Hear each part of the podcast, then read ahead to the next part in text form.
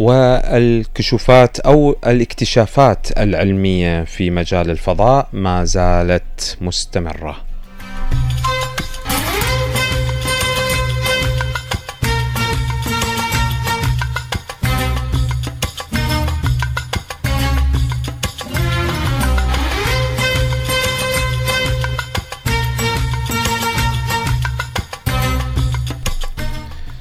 وهذه المرة تمكن فريق بحثي دولي بقيادة علماء من جامعة ساوثامبتون البريطانية من رصد أقوى انفجار كوني في التاريخ إلى الآن.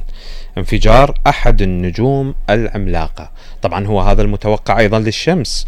متوقع أنه بعد 8 مليار سنة من الآن أن تنفجر الشمس. ولكن كيف تنفجر؟ العلماء يقولون آه، أن الشمس تتضخم نتيجة آه، نقص في غاز الهيدروجين فيها لأن الشمس تتغذى على الهيدروجين. بالمناسبة اليوم تلسكوب متطور في الولايات المتحدة الأمريكية آه، نقل لنا أوضح صورة ملتقطة للشمس حتى الآن. فصورة جميلة جدا آه، تستطيعون أن ترونها ناقلتها وكالات الأنباء والأخبار العالمية. إذا آه، متوقع أيضا للنجم لنجمنا الشمس أن ينتهي بعد 8 مليار سنة آه، وذلك بتضخمه نتيجة قلة غاز الهيدروجين أو آه، انتهاء غاز الهيدروجين في الشمس. تتضخم إلى أن تأخذ في طريقها عطارد والزهرة. ومن آه، الممكن أن تبتلع الأرض أيضا وهذه هي إحدى النهايات المتوقعة للأرض بعد 8 مليار سنة. من الآن هذه الأرض آه، اللي هسه إحنا نتحدث عنها في كل آه، جنباتها المكانية والإنسانية والزمانية ومتوقع أن تبتلع من قبل الشمس بعد 8 مليار سنة. وإذا لم تبتلع فإنها ستنتهي آه، بارتفاع درجات الحرارة فيها حتى تصل إلى ألف مئوي على سطح الأرض بحيث تنتهي كل الكائنات الحية فيها. نقترع السطر بسبب آه، قرب سطح الشمس من الأرض. بعد 8 مليار سنة الخريطة بهذا الشكل. تتضخم الشمس نتيجة نقص غاز الهيدروجين تبتلع عطارد والزهرة لأن تتضخم تصل إلى قريب الأرض فترفع درجة حرارة الأرض إلى ألف مئوي تنهي الحياة في الأرض.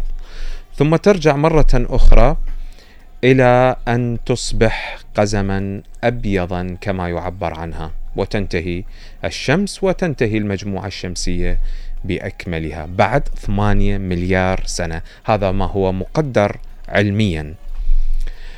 آه لذلك إيلون ماسك وغيره من المهتمين بالفضاء يريدوا أو يبحثوا عن حياة أخرى على كواكب أخرى أبعد من الشمس من الأرض عفوا أو في أماكن أخرى من الكون، لماذا؟ لأن النهاية المتوقعة للأرض والشمس لديهم.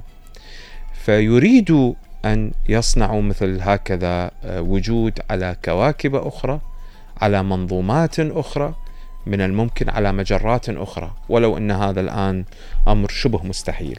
ولكن من الممكن أن تكون هنالك حياة أخرى على المريخ أو ما هو أبعد من المريخ إذا استطاع الإنسان أن يصل إلى هذه المناطق.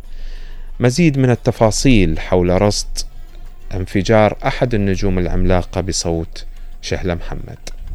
تمكن فريق بحثي دولي بقيادة علماء من جامعة ساوثهامبتون البريطانية من رصد أقوى انفجار كوني في التاريخ إلى الآن وهو أقوى بعشرة أضعاف من أي مستعر أعظم معروف نتج عن انفجار أحد النجوم العملاقة. وقد رصد هذا الحدث الكوني الهائل في عام 2020 عبر منشأة زويكي للأجرام العابرة في كاليفورنيا ونظام التنبيه الأخير للصدمات الأرضية أتلاس في هاواي. وتقوم هذه المراصد بمهمة خاصة جدا تختلف عن بقية التلسكوبات المعروفة وهي عمل مسح كامل ولحظي للسماء ليلا لاكتشاف الأجسام العابرة التي تتغير بسرعة في سطوعها مما يشير إلى أحداث مثل المستعمرات العظمى وكذلك مرور الكويكبات والمذنبات في السماء. وجاء في البحث الذي نشره الفريق أن الباحثين قد استخدموا ثلاثة تلسكوبات إضافية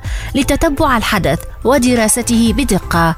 أحدها مرصد سويفت الفضائي وهو قمر صناعي يرصد أشعة إكس أطلقته ناسا عام 2004 إلى جانب مرصدين أرضيين في تشيلي وإسبانيا. وكان الباحثون في هذا النطاق. قد أعلنوا العام الماضي أن ألمع حدث كوني من هذا النوع. هو انفجار أشعة جاما. ويعتقد أنه كان إشارة إلى ميلاد ثقب أسود جديد لأنه استمر لمدة عشر ساعات فقط.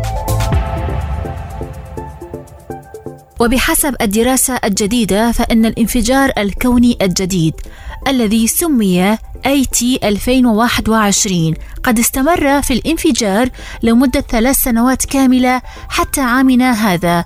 2023 مما جعله يطلق قدرا من الطاقة يساوي أضعاف انفجار جاما وبالتبعية يضعه في ترتيب أعلى. ويعتقد الباحثون من هذا الفريق أن الانفجار الكوني الجديد قد حدث نتيجة وجود ثقب أسود ضخم في منتصف سحابة نجمية هائلة أكبر بآلاف المرات من كتلة الشمس تصنع ما يشبه الحلقة حوله. وبحسب الدراسة فإنه أثناء ابتلاع الثقب الأسود شظايا من تلك السحابة صدرت موجات صدمية انطلقت لضرب ما تبقى من الغاز مما تسبب في انفجار هائل أصدر إشعاعا كهرومغناطيسيا ساطعا رصده الباحثون على الأرض.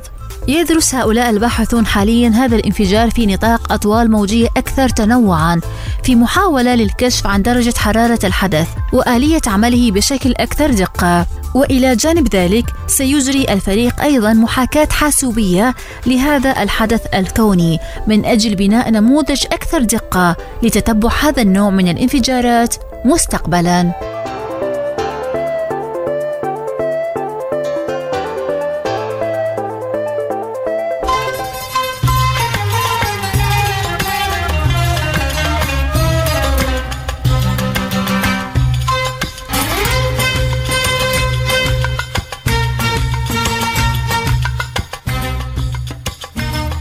إذا الانفجار الكوني الجديد هذا قد حدث نتيجة وجود ثقب أسود ضخم في سحابة آه، هائلة أكبر بآلاف المرات من كتلة الشمس تصنع ما يشبه الحلقة حوله وهذه السحابة هي أو السدم هي عبارة عن غازات من الهيدروجين آه، التي تشتغل بالفضاء بشكل كبير جدا.